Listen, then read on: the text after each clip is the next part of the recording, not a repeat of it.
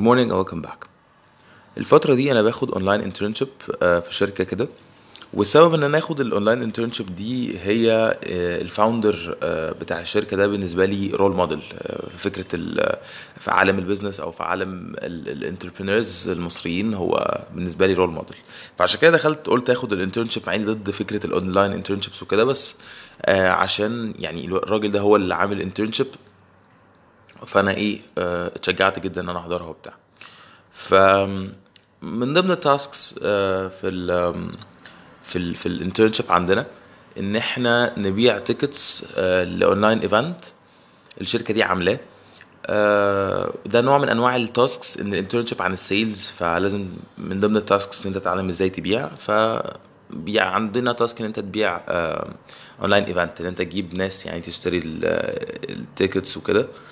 ف فأنا طبعا كنت واخد ال task اللي هو إيه أنا هعمل ال task مش عايز اللي هو مثلا أبيع 100 ticket وبتاع أبقى أحسن واحد بقى لا مش مش ده اللي في دماغي. يعني أنا بس عايز أكمل internship وأتعلم وكده ف- بس أنا مش أنا حاليا بعمل أكتر من حاجة فمش مركز قوي في حتة إن أنا أبقى number 1 ففي وسط ال- ال- ال session كان هو ال ال ال الراجل يعني أو ال- ال- ال founder اللي بيدينا ال internship ده طلع ال numbers بتاعت الناس اللي جابت آه، أعلى أعلى sales لل tickets وكده.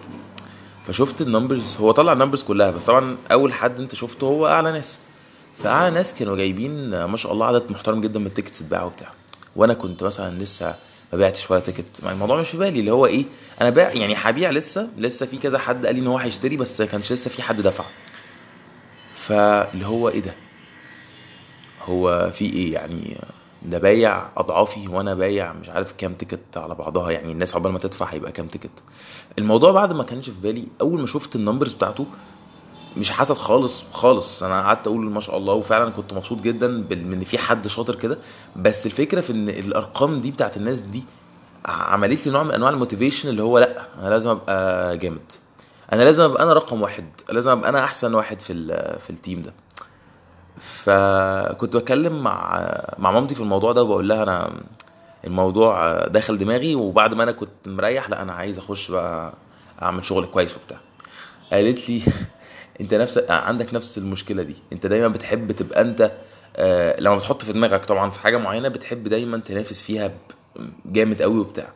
بس قالت لي كلمة حلوة جدا. قالت لي ما تحاولش تنافس غيرك.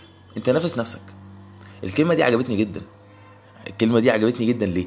ان انت ما بتبصش. مهما كان في حد كويس طبعا انبسط انبسط انبسط لنجاحه و- ويحاول ت... ت... تبقى آه، كويس زيه وكل حاجة بس ما تخليش في حد قدام عينك وانت بتنافسه. لا انت نافس نفسك.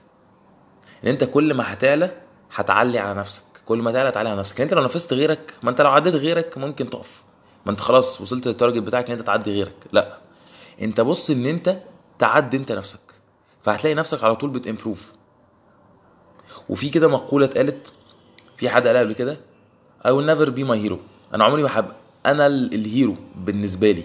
بس أنا هفضل أ chase myself يعني أنا كل شوية أنا عايز أبقى أحسن. فأنا هبص لقدام وهبص لنفسي بعد سنة هبقى فين. فأنا عايز أوصل أبقى لل role model ده اللي هو أنا. عايز أبقى ال role model بتاع نفسي.